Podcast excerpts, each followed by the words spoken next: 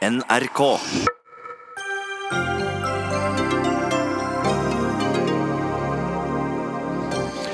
Norske butikker kaster 39 millioner brød i året. Og det er visst vår skyld, ifølge Coop-kjeden, for kunden forventer ferskt brød hele dagen, hver dag. Men den forklaringen, forklaringen går ikke alle med på. Kvinner taper stort på fødselspermisjonen, men ta ansvar og ta mindre fødselspermisjon, da, foreslår arbeidstagerorganisasjonen.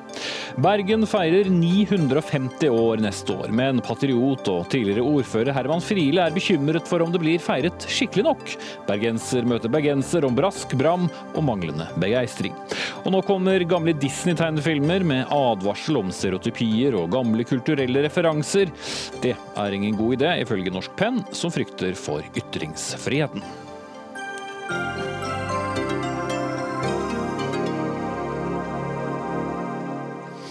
Ja, Da sier vi god kveld og velkommen til eh, Dagsnytt 18 med Espen Aas i studio, der vi også skal snakke om MDGs alternative budsjett, som forarger både, eh, både posisjon og flyselskap. Men først skal vi snakke om eh, mat, og hva vi gjør med mat. For det er jo sjelden mangel på ferskbrød i butikkene, nesten uansett når du måtte gå for å handle. Men når lysene slukkes og betjeningen går hjem, så ligger det fortsatt masse brød igjen i hyllene.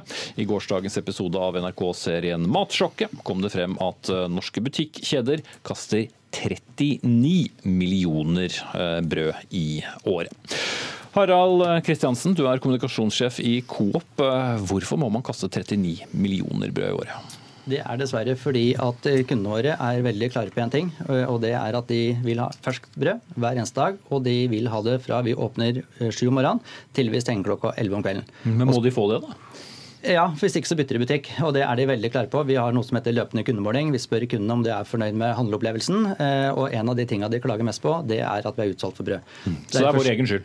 Ja, ja. og så har vi selvfølgelig også en jobb å gjøre med bestillingsrutiner og på en måte prøve å minske det svinnet. Men eh, så tøff som konkurransen er nå, så må vi ha brød i helåpningstida. Og vi må ha favorittbrødet ditt, for du vil ikke ha noe annet enn det som er favorittbrødet ditt. Nå driver jo ikke jeg brødsalg, men øh, likevel, jeg vil jo tro at over tid så får du en viss pekepinn over øh, hvor mye brød du trenger å ha i butikken, men eh, jeg tar kanskje Det er litt uforutsigbar, den kunden. Noen ganger så skal han ha brød, og noen ganger i dager skal de ikke ha det. Men det er klart det er jo det vi jobber med. altså Det som vi så fint kaller automatisk varesupplering. altså Vi har prognoser som sier når kjøper kunden brød, hvilke brød kjøper han, eh, og hvilke ukedager. Og så prøver vi på en måte å tilpasse dette her. Men uansett hvor mye vi Og det har jo blitt mye bedre, men fortsatt så er det sånn at dessverre så blir det for mye brød igjen på slutten av dagen. Og sånn må det bare være, hvis ikke så mister du kunder. Da går kundene bare et annet sted. Anja Bakken Riise fra Framtiden i våre hender, du er med oss fra vårt studio på Tyholt i, i Trondheim. Eh, Ja, vi får skylde oss eh, selv, hører vi Coop sier. Nei, altså Det her er jo helt vanvittig. Det er ikke forbrukerne sin skyld at 39 millioner brød kastes fra norske butikker hvert eneste år. Altså Hva er grunnen til at vi forbrukere har vent oss til å få servert ferskt brød døgnet rundt i butikkene? Jo, det er fordi at butikkene har vent oss til det. Men vi vil jo fint ta til takke med eh, Om vi kommer når det nærmer seg et stengetid, så kan vi ta til takke med frosne brød eller halvstekte brød. Ikke minst hvis butikkene sjøl faktisk sier at sånn kan du være med og forhindre matsvinn. Altså, Det ser vi jo at forbrukere gjerne vil, men det handler om god kommunikasjon. Og Der er jo Too Good To Go for eksempel, et, kjempegodt, eh, et kjempegodt eksempel på det. De gjør det enkelt for deg å være en matredder. Det ser vi at forbrukere over hele landet har lyst til å være med på. Mhm. Som De også er en bedrift som eh, plukker opp nedprisa- eh, varer og, og selger de til en, en lavere pris. Det stemmer, og det gjør folk gledelig når de vet at de kan være med på å redde matsvinn på den måten og hindre at maten går i søpla. Men det her viser jo bare hvorfor vi trenger en matkastelov som plasserer ansvaret der det hører hjemme, hos produsentene og dagligvarekjedene, sånn at det blir påbudt for dem å sørge for å forhindre matsvinn og sørge for å donere bort overskuddsmat når det oppstår. Og dette hadde dere ikke tenkt på, Kristiansen? Nei, eller? Nei, selvfølgelig har vi tenkt på dette her. Eh, ikke sant? Også, jeg synes Det blir litt for enkelt. Og, og jeg skylder jo ikke bare på kunden. Jeg sier at vi også har et ansvar for å ha gode bestillingsrutiner. Og, og vi selger eh, priser ned brød i forkant, eh, altså den siste timen. Vi selger brød på 40% dagen etter. Men det er en gang sånn at De aller fleste av kundene våre de vil ha ferskt brød. og Da hjelper det ikke at vi har brød til 40% dagen etter. Heldigvis så er det flere og flere kunder som har blitt miljøbevisste og har fokus på dette her, og kjøper de brødene. Mm. Men tjener du penger på å kaste så mye brød? Nei, ikke sant? Og derfor vi, Når det drar inn eh, matkasseloven, så har jo vi vært litt sånn avventet til den, fordi at vi mener at vi ikke trenger den. Eh, fordi at vi, For oss er det jo ikke noe god butikk å stå opp midt på natta, bake masse brød og så kjøre det eh, tilbake til bakeriet og sende det til dyrefòr. For oss er det beste butikken å ha akkurat nok brød. Ja, Men dere gjør jo det. Og gjør hva da? Kjøre brød tilbake dere, til butikken? Det er jo det dere gjør i dag. Ja, fordi at vi, vi er nødt til å ha brød til butikken stenger. Hvis ikke så bytter kunden butikk. Og, ja, og det her viser jo behovet for en matkastelov. Nettopp fordi at hvis vi ikke får på plass en lov, så kommer de til å fortsette å gjøre det her og legge skylda over på forbrukerne. Sånn kan vi bare ikke ha det. Mm. Og, altså, hvor streng burde en sånn eh, lov være, da? Nei, altså hoved, Hovedformålet med en sånn eh, en matkastlov handler jo om å forhindre at matsvinnet oppstår. Ikke om å skape mest mulig mat som man kan donere videre. Men det vi vet i Norge i dag, er jo at det er mange mennesker som, går, som må gå og legge seg sulten om kvelden. Derfor er behovet til stede, og derfor må vi sørge for at den maten som ellers ville blitt kasta, først og fremst går til donasjon. Eh, men så handler jo loven mye om å, om å plassere ansvar. Altså I dag så så hører vi jo fra Coop at, at eh, det er eh, vel så lønnsomt eh, altså Det er jo mer lønnsomt for dem i dag å sørge for at de overskuddsbrødene går til dyrefôr framfor å donere den videre. Det vil for det første ikke være lov med en matkastlov, men det vil også, altså en matkastlov kan være med på å få opp prisen på matsvinnet. Altså Det skal koste å kaste mat. Det er sånn det burde være, og sånn er det ikke i dag. Vi skal overlate litt av den diskusjonen til politikerne om litt, men forklar det, Kristiansen. Hvorfor er det billigere å sende brødene som dere ikke får solgt, tilbake til bakeriet, og så blir det til, til, til dyrefôr og matsvinn, enn å faktisk gi det bort til noen ja. som ville spist det. Det billigste og beste butikken for oss, det er jo selvfølgelig å selge de brødene vi eh, har i butikken. Eh, og, vi, det skjønner jeg. Ja, og, og, som jeg sier, vi, Noen av butikkene våre de priser ned i forkant, noen priser ned dagen etter, nettopp for det er den beste løsningen. Eh, og så er vi også med på Good to go via, og prøver dette her i enkelte butikker. Men til sjuende og sist blir det jo brød igjen. Og Det er da viktig at det kommer inn igjen i verdikjeden, blir til dyrefòr fremfor at vi kaster det. Mm. Og så er vi helt Men Kan du ikke gi det bort? Er det dårlig butikk? Ja, det er dårlig butikk. Og det skjønner alle selv om Coop er eid av kundene. Vi deler overskuddet med kundene, men vi kan ikke gi bort maten gratis. Eh, når vi selger til 40% så er det fortsatt med tap. Men vi gjør jo de tiltakene nettopp fordi at vi har en nullvisjon. Vi vil ikke kaste mat. Vi gjør alt vi kan for å unngå det. Landbruks- og matminister Olaug Bollestad for Kristelig Folkeparti. Det er jo ikke alle som kan mette 5000 med fem brød og to fisk, eh, si. Men altså, hvor alvorlig syns du det er å høre at 39 millioner brød kastes, og det er for øvrig bare fra tre kjeder? Det er jo rett og slett kjempealvorlig. fordi eh, For det første så kan en jo bare tenke hva som går av kornproduksjon, og hva som går av eh, arbeid som ligger bak det. Og vi har en verden som trenger mat, og så går dette egentlig i søpla. Det har gjort at mitt engasjement for matkasting har vært enormt. Eh, og jeg har vært med på forslag på den matkasteloven som de holder på å utarbeide, nettopp fordi jeg syns det er et etisk problem at vi produserer så mye mat som vi ikke bruker.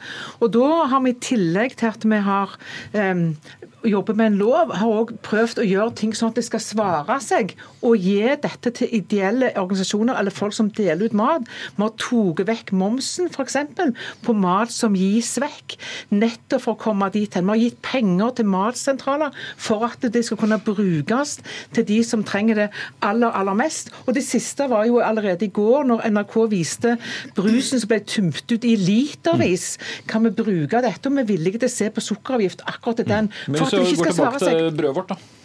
Ja, og jeg sier Derfor så er vi nødt for oss å se på både bestillingsrutiner, men den matkasteloven er helt riktig, som, som, som sies i andre enden av, av høretelefonene her, at dette er jo faktisk sånn at vi må jo komme dit hen at vi ikke produserer mer enn vi bruker. Og Det betyr at vi må løfte oss litt og se ikke bare på vår egen butikk, men at vi må òg se på et samfunnsansvar og et verdensansvar i dette. Og Det er engasjementet for en matkastelov. Om. Og det engasjementet vi har for å komme dette til livs. Og så må meg og deg som forbruker òg kikke i vårt eget kjøleskap. Jeg har en vei å gå der, og det tror jeg mange av oss har. Og, og har en vei å gå for nettopp ikke at vi òg kaster. Og så har vi et klima, klimaavtrykk på dette som er kjempeviktig at vi holder tak i.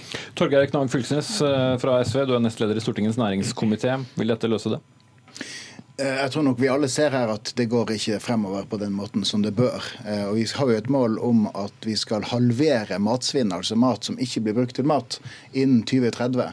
Og den tempoet vi er på nå, så er vi jo ikke i nærheten av å nå dette her. Det, det, den maten som forsvinner på denne måten her, tilsvarer den maten som du trenger til å livnære 800 000 mennesker. Det er bare i Norge eh, dette her, og eh, det, det, det her skjer. Så, og det går ikke riktig vei.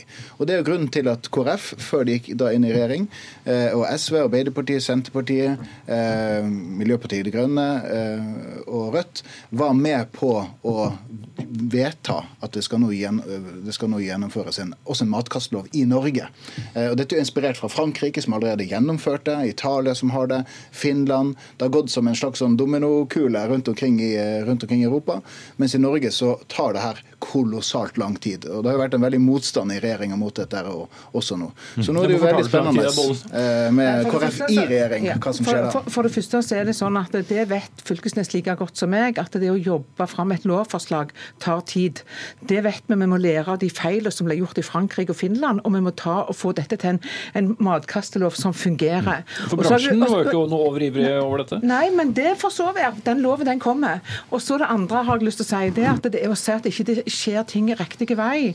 Det syns jeg òg er ganske spesielt. For når vi fikk en bransjeavtale, så, så si 2014 til nå, så har han altså redusert eh, matkastinga med 12% Da virker det jo. Og da virker å ha fokus på hele kjeden. og Derfor så kan en ikke sitte og si at ting ikke skjer. Samtidig som vi ser at når vi øker matsentraler, så virker det òg. At en får dele ut dette.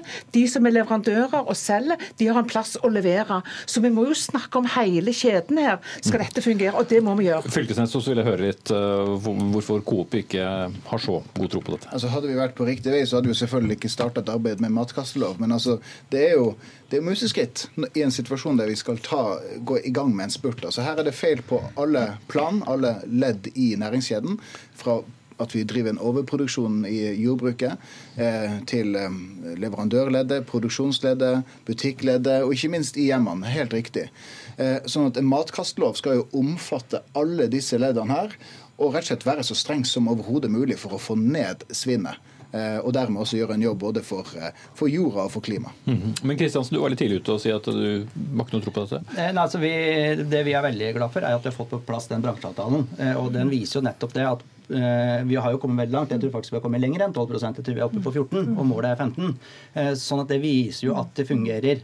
Og det handler om at du ser på hele verdikjeden. Og det er det som også er fint med Matshop-programmet. At man skylder ikke på ett ledd. Mm. Men at du, alle må gjøre noe mm. her. Men man kaster loven, da? Ja, og derfor jeg mener vi, altså For oss er det veldig dårlig butikk å kaste mat. Derfor så har vi en nullvisjon. Altså, du trenger ikke å tvinge oss med en lov eh, for å ikke kaste mat. Vi gjør, Men gjør den om uh, det gjør heller ikke når den kommer. Og, og, okay. er, og nå, er det jo, nå er jo den loven under utarbeidelse, og vi er jo i dialog der og ønsker å påvirke den sånn at den blir best mulig.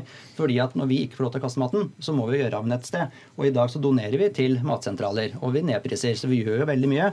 Så det er veldig viktig at når den loven da kommer, at det er tatt hensyn til hva gjør vi på en måte med det vi eh, ikke får solgt. For du vil aldri vi vil aldri komme i en situasjon hvor vi ikke har igjen eh, overskuddsmat. Mm. Men det kan fint bli mye lavere nå? Langt lavere, og vi er på god vei. Vi hørte en pekefinger i været på Tyholt i Trondheim. Anne Bakken Riise. Ja, altså Det at det kastes 39 millioner brød i året hvert, eh, hvert eneste år i Norge, viser jo at vi har et behov for en mm. matkastlov. Og eh, Det er et fantastisk engasjement fra mat- og landbruksministeren. Eh, men det som er viktig nå, er jo at altså, måten vi driver butikker på i dag, der eh, ja, på den ene sida så har bransjen et mål om å halvere matsvinnet innen 2030, men på den andre sida så handler deres forretningsmodell om å selge mest mulig mat. Det er tre for to-tilbud, det er lokkepris på mat, og det bugner i butikkene av fersk mat døgnet rundt. Hvordan skal man da klare å få ned det matsvinnet tilstrekkelig? Eh, det er nødvendig at det begynner å koste, at det begynner å bli ulønnsomt for butikkene og ha matsvinn. og sånn er det ikke i dag. Derfor må den matkastloven favne bredt for å Mm. sørge for at det skjer. Og så er det noe med oss forbrukere òg, da. Vi må vel ikke eh, til enhver tid bare spise ferskt eh, brød? Nei, og det, altså jeg tenker litt på det, eller jeg tenker ganske mye på det. På ene sida så, så er vi forbrukere, vi kjøper ofte og er kanskje litt lettlurte og tar tre for to og, og tenker at det er klokt. Eh, Og så går det ut på dato, og så er det veldig mange som kaster det. Og så har vi jo gjort noe med datobestempling, altså best før, og, altså, kan du bruke det òg etter uten at du har en eksakt dato. Det gjør noe med holdningene våre. Vi vet at ei aldersgruppe er flinke til å bruke restmat, det er de over 60-65 år. Og da tenker jeg det at vi får en diskusjon med at du får et, et program som engasjerer folk ute, skaper òg holdninger, sånn at vi kan snakke om det. Dette er et samfunnsoppdrag som du og meg må tenke over. Og jeg tenker mye mer på dette nå enn det jeg gjorde tidligere. For det, da tenkte jeg jeg har fire unger de bodde hjemme, her må vi passe på at vi har alt greit. Men det, dette her går jo an å tenke på, og det tenker jeg vi må gjøre i fellesskap òg med bransjen. At det, Hvordan lager vi tilbud, og hvordan gjør vi dette for å ikke bare skape handel, men også skape holdninger? Fylkesnes. Ja, jeg tror det her er veldig viktig. Altså, jeg synes jo at eh, det å ha en bare en sånn at dette skal være bransjens ansvar eh, Jeg syns bransjen eh, viser jo sjøl at de kan ikke ta det ansvaret alene. De må drive en konkurranse. De må la butikken bugne over klokka 11 på kvelden av ting som vil gå ut på ting du må eh, kassere dagen etterpå. Det går bare ikke. Så Dermed så flyttes ansvaret over i det politiske. Det er da, det er da konsekvensen av en sånn linje. Uh, og Dessuten så vil jo dette her være en lov som omfatter mye mer enn bare det som skjer i butikk. Hele prosessen fra, fra jordet til, eh, til grane, for å si det sånn. Den enes brød, og kanskje også den andres brød. Vi får se hvordan det går med matkasteloven. Takk skal dere ha, alle fire. Harald Kristiansen, kommunikasjonssjef i Coop. Olaug Bollestad, landbruks- og matminister fra Kristelig Folkeparti. Torgeir Knag, Knag Fylkesnes, nestleder i Stortingets næringskomité fra SV. Og Anja Bakken Riise, leder av Framtiden i våre hender. Dagsnytt 18 alle hverdager klokka 18.00 på NRK P2 og NRK2.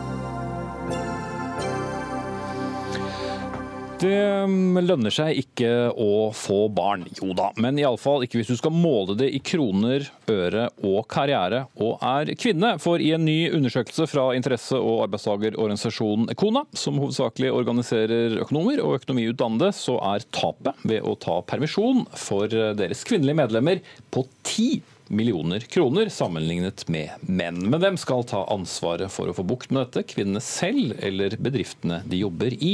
Nina Ribbe, du er administrerende direktør i eh, Ekona. Eh, Har du et kort svar på det spørsmålet? Det har jeg. Eh, Det er helt klart. Det er arbeidsgiver som har hovedansvaret for det. Eh, Men når det er sagt, så eh, må jo kvinner og menn også ta et ansvar eh, for sitt arbeidsliv og hva de eh, mener er best for seg og sitt. Og det er jo helt sjokkerende at vi har nå kommet frem til eh, de 10 millioner kronene. Det tallet er så høyt, og det har vært Bare, bare- bare forklar kort eh, hvordan det er, er regnet ut for 10 millioner. eh, Det høres jo unektelig mye ut. Og det er jo mye. Det er jo sjokkerende mye. Eh, Vi har en årlig lønnsundersøkelse som viser eh, helt klart at når, eh, når kvinnen går ut i permisjon, så, eh, så åpner det seg et lønnsgap. Og kvinnen opplever en bråstopp i karrieren samtidig som mannens karriere skyter fart. Det gapet det forsterkes, og kvinnen klarer aldri å ta det igjen.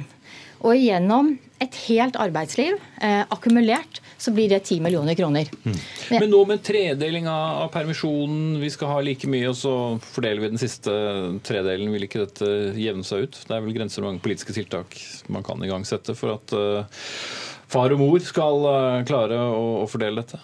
Ja, og det har jo vært utallige forskerrapporter og offentlige utredninger. I 25-30 år har vi visst dette. Men det er først nå vi har satt et tall på det, og det er så alvorlig. Vi må jobbe for likestilling i, i norsk arbeidsliv og næringsliv, og det er jo det denne debatten dreier seg om. Og hva, hva skal kvinnene gjøre for å ta da, ansvar? Vi har jo vi har, eh, jobbet frem en tiltakspakke med ti punkter. Og det viktigste tiltaket for kvinner og menn, det er jo å velge bort arbeidsgivere som ikke betaler full lønn. under eh, permisjon. Det hørtes lettere sagt ut enn gjort, for det vet du vel ikke før det er for sent? Alle har et valg. Og jeg tenker, Hvis alle utøver det valget, så vil det sette eh, press på arbeidsgivere. Og det er viktig. Vi kan ikke ha et samfunn eh, og et næringsliv i Norge som baserer seg på å systematisk eh, forskjellsbehandle og underbetale kvinner og menn i permisjon. Mm. Ida Lindtveit, du er gruppeleder i Viken KrF fornuftige tiltak, men du har også reagert på, på utspillet fra Kona. Hva har du reagert på? Ja, Det Nina sier nå, det er jeg helt enig i og er kjempeviktig. Men det som jeg ble utrolig provosert av i dag, var jo at kona gikk ut og sa at eh, for det første, man må planlegge permisjonstiden sin før eh, fødsel. Alle vet at det, det er ikke så lett alltid. Eh, og ikke minst at man oppfordret flere kvinner til å jobbe gradert i permisjonstiden. Og det jeg opplever, er at det her er et veldig tydelig signal til alle unge kvinner som ønsker karriere, som er opptatt av likelønn og lønnsutvikling, at eh, når du får barn, så eh, må du eh, ta litt ansvar og jobbe gradert. Mitt signal er det totalt motsatte. Vet du hva? Unge kvinner skal få lov til å ha familieliv, og det er arbeidsgiver som er hovedansvarlig for å tilrettelegge godt for det. Og bedriftene i Norge må virkelig ta et ansvar, følge med på lønnsutviklingen sin. Eh, og skjerpe seg og sikre at eh, kvinnene også henger med i den lønnsutviklingen. Selv om man kanskje to til tre ganger i løpet av livet er ute i permisjon, helt ute i permisjon i åtte-ni måneder. Det mener jeg er helt jo, er fair også, å kombinere. Dere er vel også enige om akkurat det med arbeidsgiverne, for det sa jo Ribbestad også. Men da sier vel dere også samtidig for å nyte den permisjonen, men da får du også tåle at det koster? Jeg mener at bedriftene må tilrettelegge eh, for dem som er ute i permisjon. Men jeg mener altså ikke at åtte måneder ute i permisjon skal gjøre at du mister alle karrieremulighetene dine. Og det kjenner jeg meg heller ikke igjen i. Altså, det jeg opplever fra bedrifter i dag, er jo at stadig flere tar dette grepet og sier at eh, vi skal eh, gjøre sånn at man kan kombinere familieliv og arbeidsliv. For er det én ting vi vet, så er det at hvis kvinner sliter seg ut hjemme, hvis de skal amme flere ganger om natten og så dra på jobb igjen dagen etterpå, ja, da får man en sliten og dårlig arbeidstaker istedenfor at de får får en god barsel- og permisjonstid, og at man kan komme tilbake på jobb og yte godt på jobb etterpå. Men litt jobbing er lurt, eh, Ribbe? Jeg er helt enig. Det er arbeidsgivers ansvar. Men nå er jo situasjonen slik at arbeidsgiver tar ikke det ansvaret. Og derfor har vi utarbeidet en tiltakspakke. Så er det eh, opp til hver kvinne å, å, bruke den informasjonen med klokskap. Eh, det koster 10 millioner kroner. Det viser eh, vår lønnsundersøkelse. Og eh, hvis en kvinne, eh, hvis en kvinne mm, går ut i permisjon, og det å være helt offline er det hun ønsker, og det er helt greit, det er jo helt fint. Men min jobb i dette her, når, jeg, når vi kom frem til dette, det er jo å opplyse om konsekvensen av de valgene. Og vi kommer til å jobbe for eh, likestilling. Vi har invitert partene i, samme, i, i næringslivet, politikere. For dette her kan vi ikke ha. Men Problemet ditt er jo at du sier at bedriftene må ta et ansvar, men mm. likevel så kommer tiltaket ditt og sier at det er kvinnene mm. som skal ta denne belastningen. Mm. Og jeg mener Det er ikke kvinnene som er utfordringen eller som skal ta belastningen. Det er det, det er jo de som gjør det. Hvis du ser på tallene, så er det jo Det er jo, det er, det er jo ikke noen statistikk som viser noe annet enn Nei, at kvinner men altså, hallo, Det er kvinner som føder barn. Og noen eh, har lette fødsler, lette barseltider og kan gå raskt ut i arbeid. og all ære ære være dem, men andre har det helt annerledes. Og de skal også bli møtt med at du kan ha en karriere, du skal ha lik lønnsutvikling som menn, og ikke minst, menn må også ut i permisjon og ta ansvar på hjemmebane. Og disse tingene er kjempeviktige, men da kan man ikke si at ja, det er store forskjeller i lønn og karrieremuligheter, så kvinner, dere må skjerpe dere litt. Det mener jeg er helt feil måte å gjøre det på. på, på, på vi sier absolutt ikke kvinner eh, skjerp dere. Vi sier eh, fy skam deg til norske bedrifter. De må ta et ansvar. I det i den eh, tiltakspakken så er det viktigste, det viktigste tiltaket det er jo å velge bort de arbeidsgiverne som ikke betaler full lønn. Eh, og, eh, og til arbeidsgivere så er eh, det viktigste tiltaket det som du var litt inne på, men det å legge en plan. Fordi eh, menn blir involvert, kvinner blir ofte isolert. Eh, man er gravid, i takt med at magen vokser, så blir, færre, så blir, det færre og færre oppgaver. Flere og flere oppgaver blir tatt bort. Når man går i permisjon, så er eh, pulten mer eller mindre ren. Man, Men det er veldig vanskelig å velge bort den arbeidsgiveren når du skal ut i permisjon. Da er det jo, som jeg prøvde å si innledningsvis, litt sent. Jo, men eh, en, på et eller annet tidspunkt så må man jo begynne. Uh, og det er i dag vi lanserte den uh, tiltakspakken. Og bare for men, å si det, akkurat det er jeg helt enig i. og Når man skriver kontrakt, så er det kjempeviktig mm. at både kvinner og menn mm. ser etter at mm. man får utbetalt full lønn når man er i mm. permisjon. Men det jeg har reagert på, det er det presset som legges på kvinner, som allerede er kjempestort. Altså Man sier graviditet er ikke en sykdom, samtidig som man liksom kaster opp om morgenen og prøver å komme seg på jobb.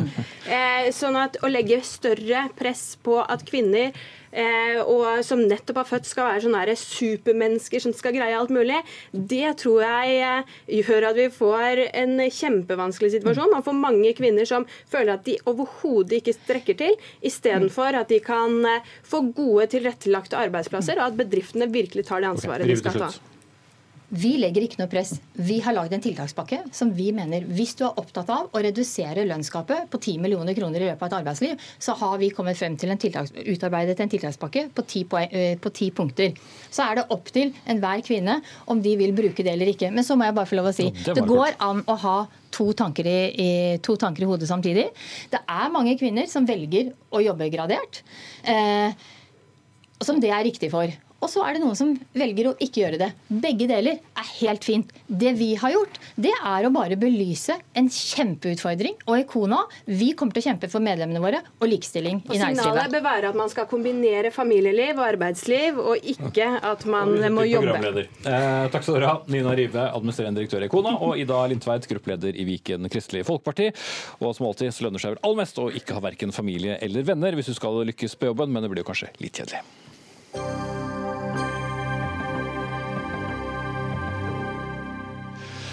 I Disneys versjon av Jungelboken har de slemme apene afroamerikanske aksenter, og i Peter Pan får vi høre om rødhudene som fikk så rød hud fordi en innfødt amerikaner rødmet da han ble kysset av en jente. Disse filmene skal det nå advares mot fra Disneys side, men trenger vi det? Ja, det skal vi snakke om mot slutten av sendingen.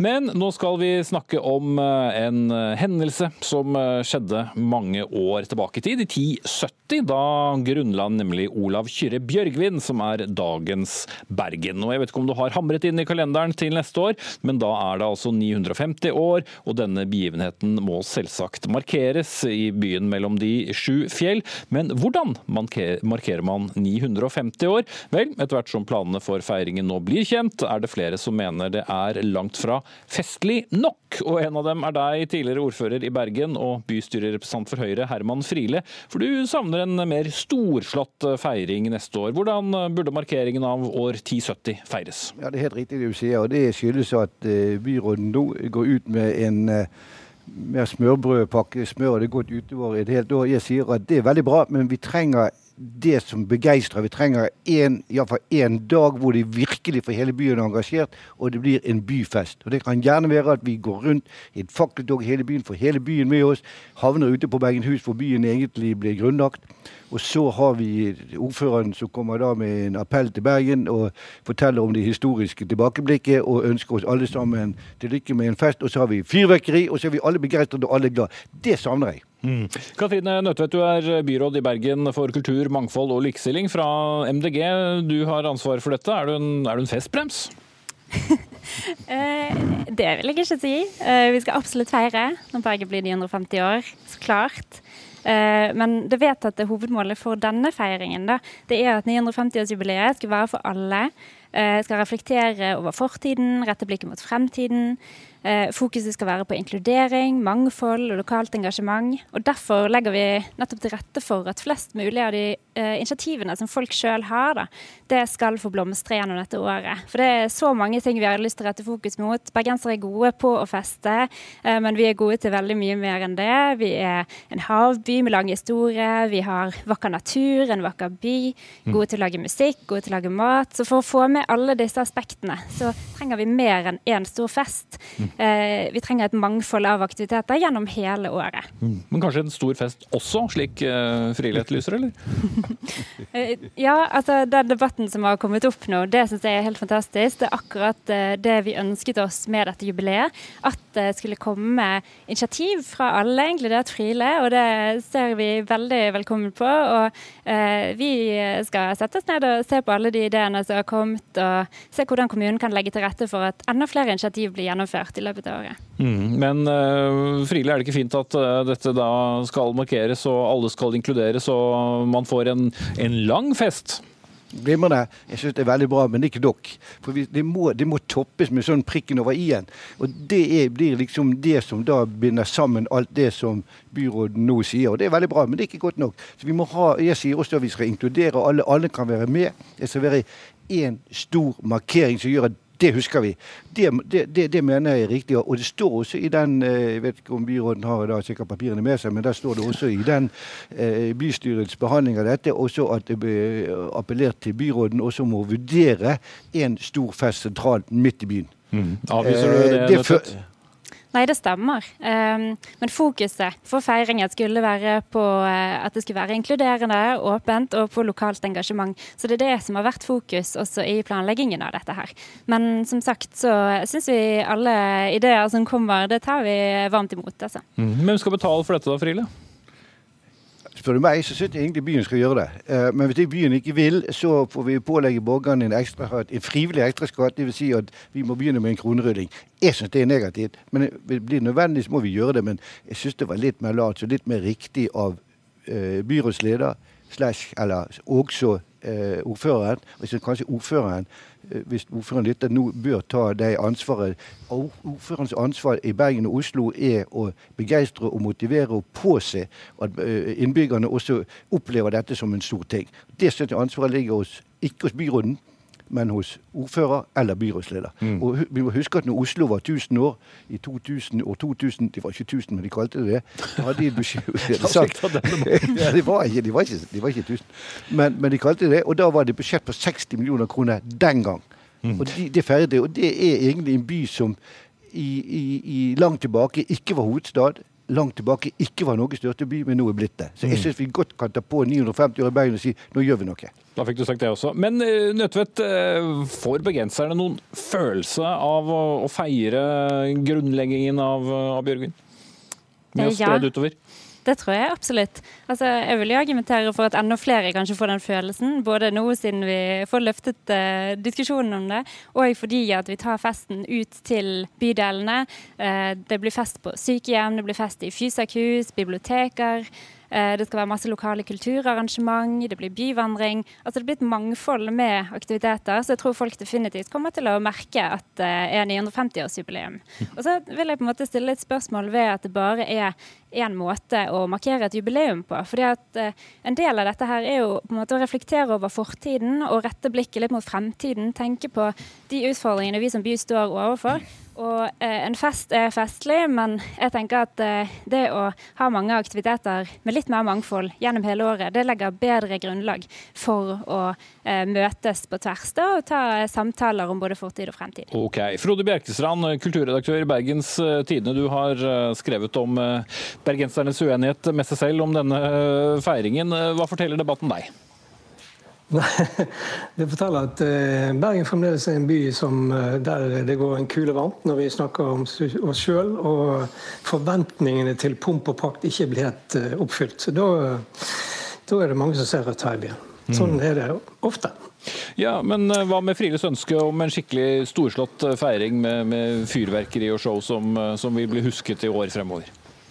Jo da, stor forståelse for det, men vi skal huske på at dette er et 950-årsjubileum, ikke et 1000-årsjubileum. Det er sånn halvveis, halvveisfeiring, kan vi jo kalle det. Men eh, jeg tror også at eh, vi må se på helheten her. Altså, Bergen har allerede Norges beste 17. mai.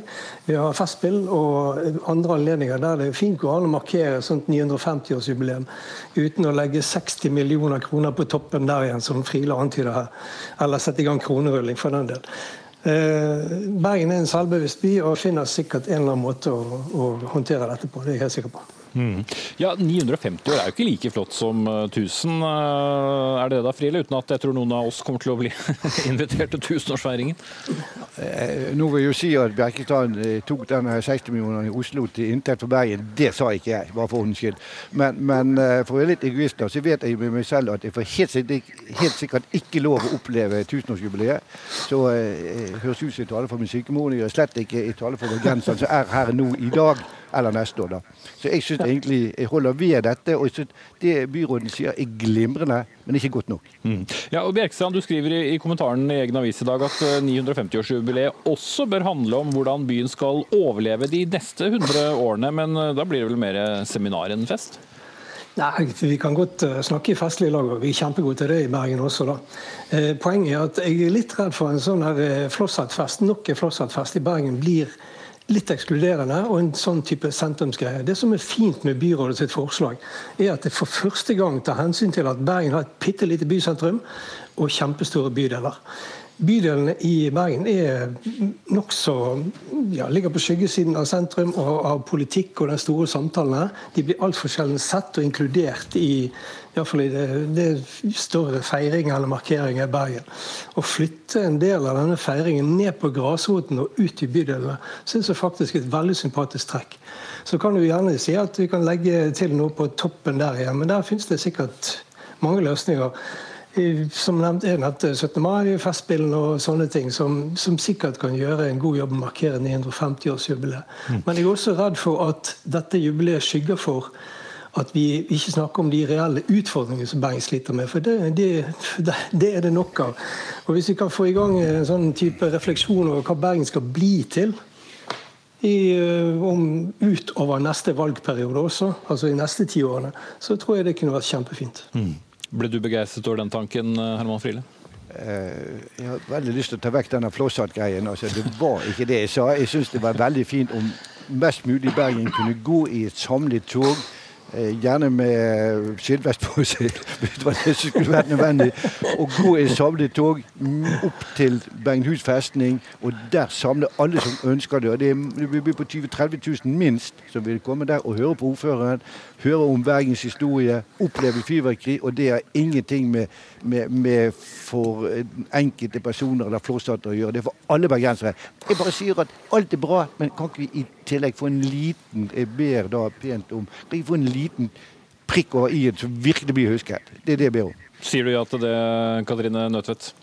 Jeg vil i hvert fall uh, si at det er veldig, veldig positivt til at uh, Friele og andre engasjerer seg og kommer med disse med innspillene. Det er helt i tråd med, med tankene om jubileumsfeiringen. Og uh, vi skal prøve så godt vi kan å legge til rette for initiativene som kommer. Mm. Var det Ole Pausa? Bergen er ikke en by, men en tilstand i min sjel. Takk skal dere ha, alle tre. Katrine Nødtvedt fra Miljøpartiet De Grønne, kulturredaktør i Bergens Tidende, Frode Bjerkstrand og bystyrerepresentant for Høyre, Herman Friele, også tidligere ordfører.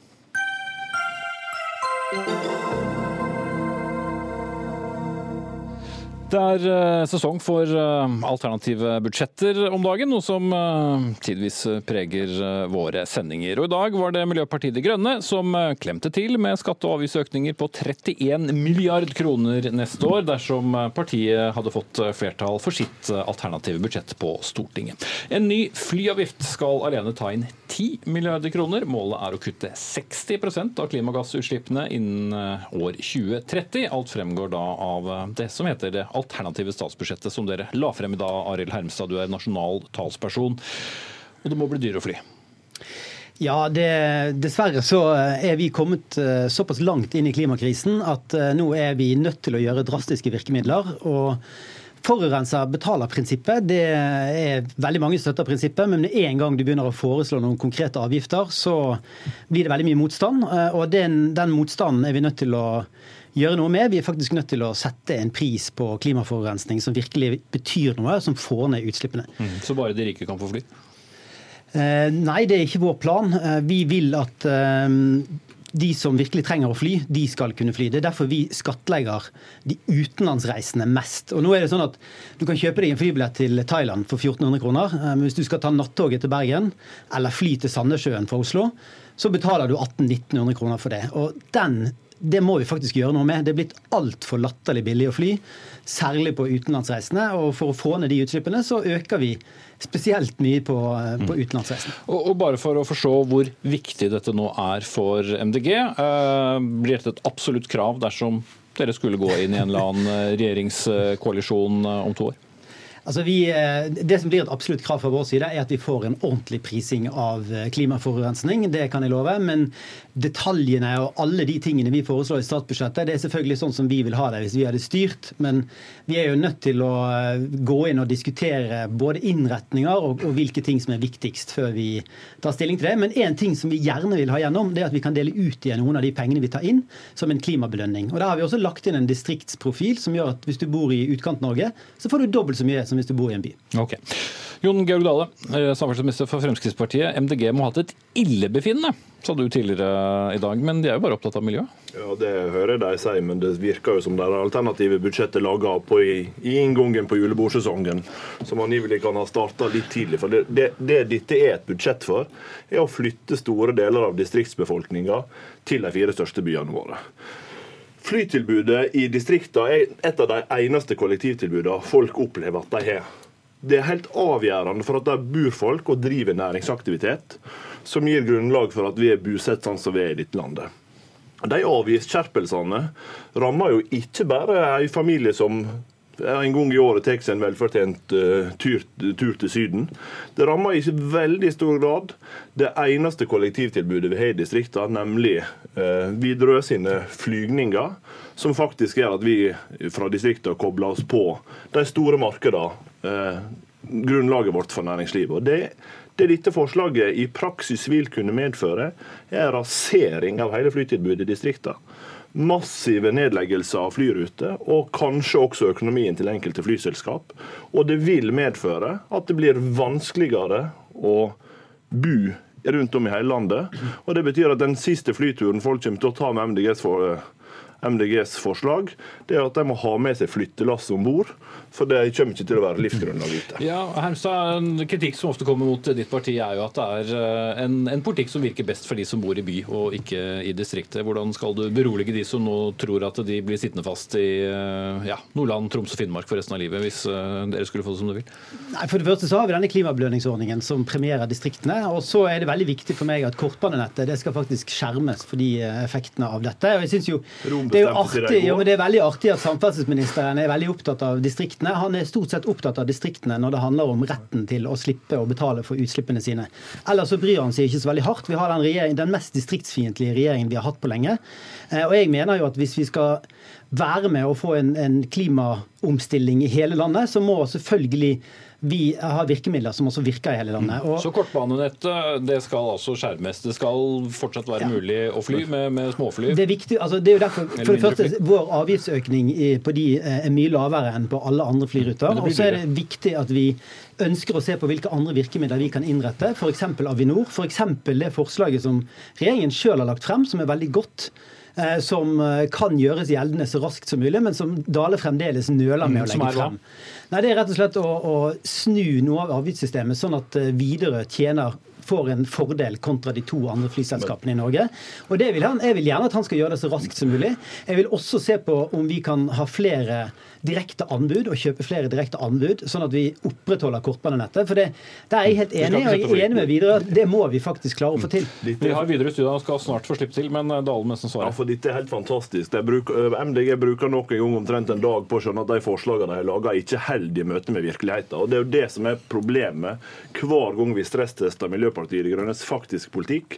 Nå har en begynt å innse at de, de forslagene hadde i dag tidlig, ikke holder lenger. Og i tillegg til at en skal vesentlig skjerpe avgiftene for flyene, og dere har ikke tenkt å unnta FOT-rutenettet eller distriktsrutene. Dere har tenkt å ha avgiftsskjerpelser på det, så det står svart på hvitt i forslaget deres. Mm. Men, på, men på toppen av det så skal du også øke kostnaden ved alternativet til å fly. For når det ikke går buss, når det ikke går tog i store deler av landet, så er bilen det eneste alternativet. og Derfor er du fem kroner i smell på literen på drivstoff også der. Så det du i praksis gjør, du gjør det klin hakke hoppe umulig for folk i distriktene å skape verdier å komme seg til markedet. For det blir dyrere uansett hva vei du velger. Men her kommer du jo igjen med denne myten om at for at du skal opprettholde bosettingen i distriktene, så må de, da må de fortsette med diesel til evig tid. De trenger en rask omstilling både av bilparken, sånn at den blir elektrisk. Og det kan vi gjøre på veldig mange måter, bl.a. med å bygge ut Men tror du, det blir, tror du det blir elfly i 2020? Det er det du foreslår budsjett for? Jeg tror ikke at det blir elfly i 2020, men det er veldig viktig at Norge blir først i verden på elfly. Okay. Og da må men, men, vi ta i bruk hele virkemiddelapparatet. La oss holde oss til, til vingene. Stein Nilsen, du er administrerende direktør i, i Widerøe. Dette er et trussel mot det grønne skiftet i, i luftfarten, sier du i dag. Hvordan henger det sammen? Ja, altså MDGs modell er jo basert på at det å fly skal være et luksusgode, og at det er veldig billig. og Det tror jeg er veldig langt fra den virkeligheten som de som bor ute i Distrikts-Norge kjenner. Det er ingen luksusgode. Det er folk som skal på sykehus, det er folk som skal gjøre nødvendige ærend. Så det her er et helt nødvendig kollektivtrafikksystem som finnes ute i distriktene.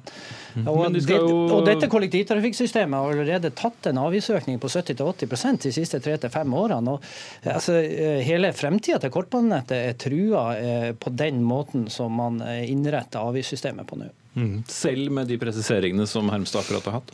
Ja, jeg, jeg, tror faktisk det. fordi at Vi venter egentlig bare på samferdselsministeren å konkludere på denne bunnfradraget nå. og Vi kjemper med nebb og klør for å holde mange av disse rutene i live. Men det som er det viktige her, vi skjønner jo også at vi har en klimautfordring. Det som er viktig å få til her, det er at politikerne samler seg om en eller annen slags verktøy som hjelper denne bransjen, som har store teknologiske utfordringer, til å komme over i et grønt skifte. For Løsninga på klimautfordringa er ikke flere avgifter, det er å få til et grønt teknologiskifte. Og Det er ting vi kan gjøre her og nå. Det handler om biofuel, der politikerne kan hjelpe oss i bransjen å komme raskt over til høyere innblanding av biofuel. Det handler om produksjonskapasitet. Men så handler det for oss i Widerøe om en elektrifisering og prøve å finne et null- og lavutslippskonsept, spesielt for de korte strekningene. Vi tror det er innenfor rekkevidde, men vi trenger hjelp av politikerne for å klare å dra det tunge løftet over i en grønn retning. Kommer du med den hjelpen da, Dale? Ja, Mange av de tingene jobber vi jo nå systematisk med. Vi innleder tettere samarbeid også med EASA, som er den europeiske eh, ansvarlige for luftfarten, for å se på hvordan kan vi få til det. For Vi tror at vi får nullutslippsløsninger i luftfarten, men vi kommer ikke til å få det neste år. Og Det er det som er problemet med MDGs forslag. De selskapene som skal finne den løsninga, som i framtida er nullutslipps, også i flytrafikken, de er konken på veien. Fordi de legger på så sterke avgifter at det er ingen av dem som kommer til å overleve eller ha kapital til å reinvestere. Du syns kanskje de er litt mer opptatt av 2030 enn det regjeringen er? Jo, men poenget er at hvis vi har tatt livet til alle de private bedriftene som skal framskaffe oss den nye teknologien, så kommer ikke vi nærmere 2030-ambisjonene, vi kommer lenger ifra dem. Derfor må vi gjøre det som virker. Og MDG er som vanlig mest opptatt av symbolikk. Problemet er at hvis disse forslagene faktisk hadde fått flertall, så ville det rasert hele grunnlaget vi har for vekst og verdiskapning i Distrikts-Norge. Og Det er derfor det er grunn til å advare så sterkt mot det som jeg også nå gjør. For det, det kan hende at en kan begynne å ta disse forslagene på alvor, og konsekvensene av det ville ikke Norge hatt godt av. Du er litt av, midt i en sandwich her, Hermstad. Du må både svare på, på Nilsen og på altså, det, Problemet til det mandatet som Avinor har i dag, altså de som driver luftfarten i Norge, det er jo at de har et mål om vekst i luftfarten. Og Det målet står i direkte motstrid til det at vi skal ta vare på klimaet og det at vi skal kutte klimagassutslippene. Vi mener at forretningsmodellen til mange av flyselskapene den er ikke bærekraftig overhodet. For den er basert på at man ikke betaler for de utslippene man har. Og Det gjelder altså særlig utenlandstrafikken, som, eh, hvor vi ikke er i det hele tatt i nærheten. Og så har vi også masse interne fly flyreiser i Norge. som vi flyr, Det ligner ikke grisen så mye som vi flyr i Norge på områder hvor vi kunne hatt tog. Men, men, hvor folk kunne hatt gode alternativer. Men togene i Norge de blir ikke bygd ut. La, la tog vente nå. Ta konkret det som, som, som Nilsen sier. Altså, om, om, distriktene og hvem som til sjuende og sist ender opp med å betale altså, eller ikke vi, få flydd. Vi vil veldig gjerne ha en dialog med Widerøe om hvordan vi kan innrette de systemene, sånn at vi tar vare på kortbanenettet. For jeg er helt enig, det er et kollektivnett som vi må ha. Men vi må gjøre det samtidig som vi tar klimahensyn. Vi må innrette det på en måte som også gjør at utslippene går ned, og som gjør at vi så raskt som mulig kan fly utslippsfritt i Norge. Og Kortbanenettet er veldig godt egnet. Vi, foreslo, vi var de første som foreslo at vi skulle ha en pilot for elfly i Nord-Norge. i Norge. Eh, og Det står vi fast på. Det mener vi at her skal Norge være først i verden. Eh, og Da har vi altså en unik mulighet til å få det til. Men hva trenger du å vite av MDG, Stein Nilsen? Jeg trenger både fra MDG og, fra resten av det politiske systemet kanskje få litt mer innretning hva de politiske ambisjonene er. For det er, det er litt mye, mye snakk og, og festtaler. Men det vi trenger som har store teknologiske barrierer i denne bransjen, det er også for politikerne i ryggen til den enorme jobben som vi gjør i Norge. Og det mangler du. ja, det er jo ikke sånn at vi i Norge klarer å revolusjonere flybransjen. Eh, eh, Vi jobber jo med store produsenter internasjonalt som ikke har satt den samme eh, miljøagendaen som vi har satt her i Norge. Så jeg tror vi trenger et krafttak. Og det, det er fullt ut mulig, sånn som vi vurderer, å, å komme helt til, til veldig lave utslipp, og kanskje til og med nullutslipp i et eh, 15-årsperspektiv. Men da tror jeg vi må ha en kraftsamling i Norge og dra i samme retning. Ja, Det er jo jeg i utgangspunktet enig i. Problemet er jo at den diskusjonen vi står i akkurat nå, er jo ikke hvordan vi skal håndtere dette om 5, 10 og 15 år. Men det er jo hvordan vi skal faktisk sørge for at vi har et tilbud oppe på distriktsrutene neste år. Men, men må det være så billig å fly til Syden, f.eks., som, Nei, men- som MDG peker på? For En av de tingene som vi jobber med nå, er jo faktisk å gi avgiftslette til disse distriktsrutene. For i det hele tatt sørge for at vi har kommersielt grunnlag for en del av de flygningene som går i dag. Forslaget fra Miljøpartiet De Grønne vil knekke økonomien i dette nesten over natta. og Det er det som er hovedinnvendinga mi mot eh, dette forslaget. Må sette strek der. Håper ingen blir fly forbanna. Takk skal du ha. Arild Hermstad, nasjonal talsperson for MDG. Jon Georg Dale, samferdselsminister fra Fremskrittspartiet. Og Stein Nilsen, administrerende direktør i Widerøe. Hør Dagsnytt 18 når du vil. Radio NRK Radio.nrk.no.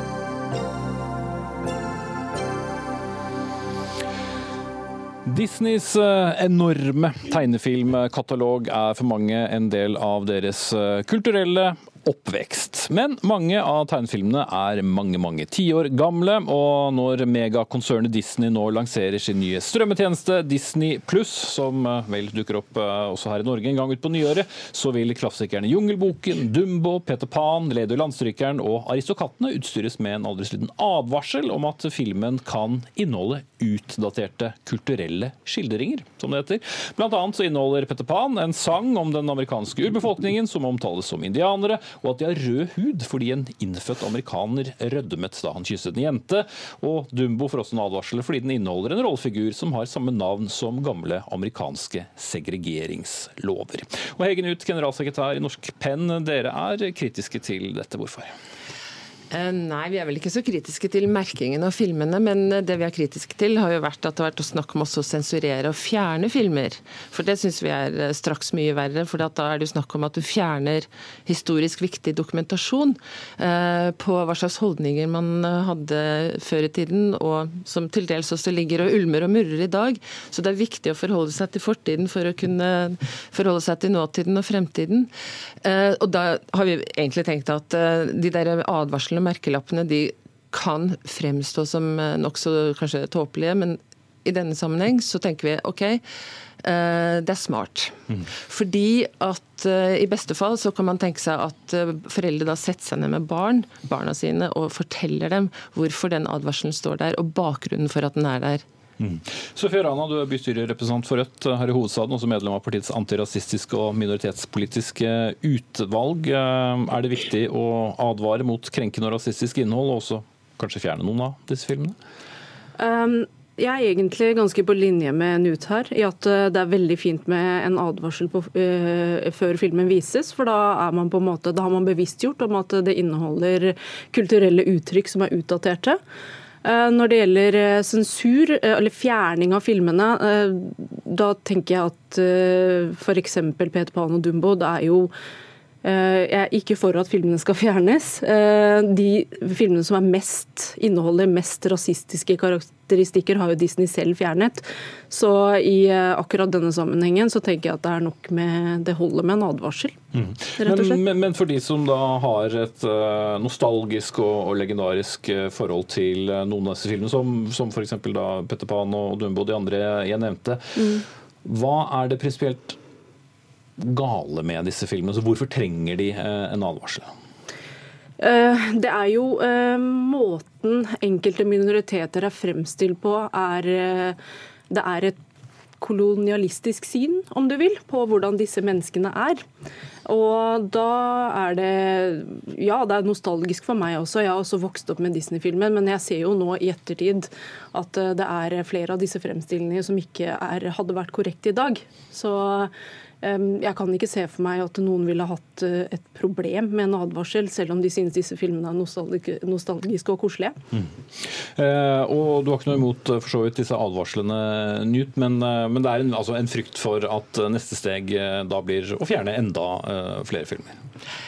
Uh, altså Vi frykter ikke det så innmari, innmari. Jeg tenker at Disney-filmer eh, altså Vi har vokst opp med det alle sammen. Mm. Og våre barn har vokst opp med det. Og jeg tror stort sett de fleste barn i verden har vokst opp med Disney-filmer. Eh, det som jeg tror er veldig problematisk, er spesielt for eh, barn bosatt i USA, altså amerikanske barn, for dette er jo veldig amerikanske filmer, og har alltid vært det. At det er veldig veldig mange grupperinger, eller grupper og minoritetsgrupper spesielt, som ikke kjenner seg igjen.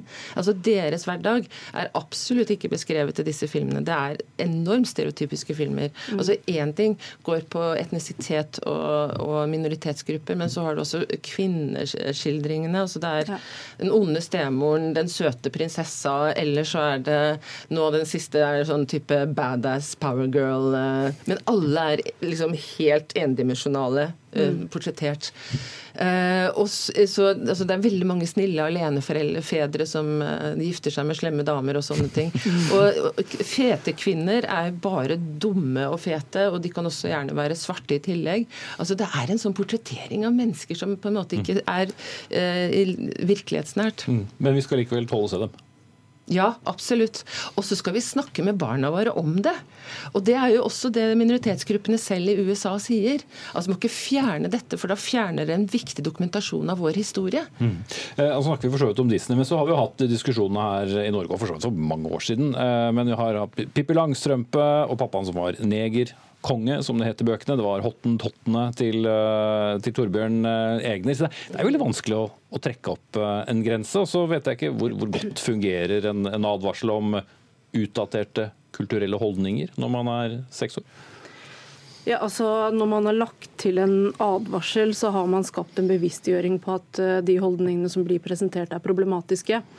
Eh, også når det gjelder Astrid Lindgren og Torbjørn Egner, så er det jo, så vidt jeg vet, hvis jeg tar feil nå, så må dere gjerne korrigere meg, men jeg forsto det sånn at Astrid Lindgren selv valgte å fjerne ordet negerkonge fra eh, Pippi eh, eh, bøkene om Pippi Langstrømpe og erstatte med sydhavskonge. I hvert fall ble det erstattet, ja. ja ikke sant? Og da tenker jeg at det er helt innafor. Og, og, når det gjelder Torbjørn Egner, så ja, det er Jeg syns den sangen også fint kunne oppdateres, da, f.eks. istedenfor å fjernes. fordi jeg syns det er litt eh, problematisk at eh, barnehagebarn skal bruke, synge en sang som inneholder N-ordet. Mm. For det fjerner ikke normaliseringen, eller da blir ordet fortsatt normalisert. Mm. Men er det helt i tråd med din oppfatning, Nytt?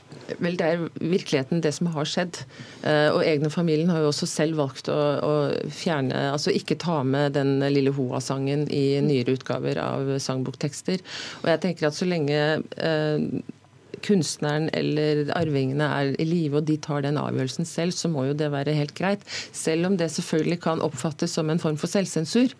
Men eh, altså vi lever altså, vi, Verden utvikles, og så gjør også vi. så det kan være helt betimelig. Mm. Det er ikke for politisk korrekt. Jeg er sikker på noen har sagt det allerede mens vi har diskutert dette.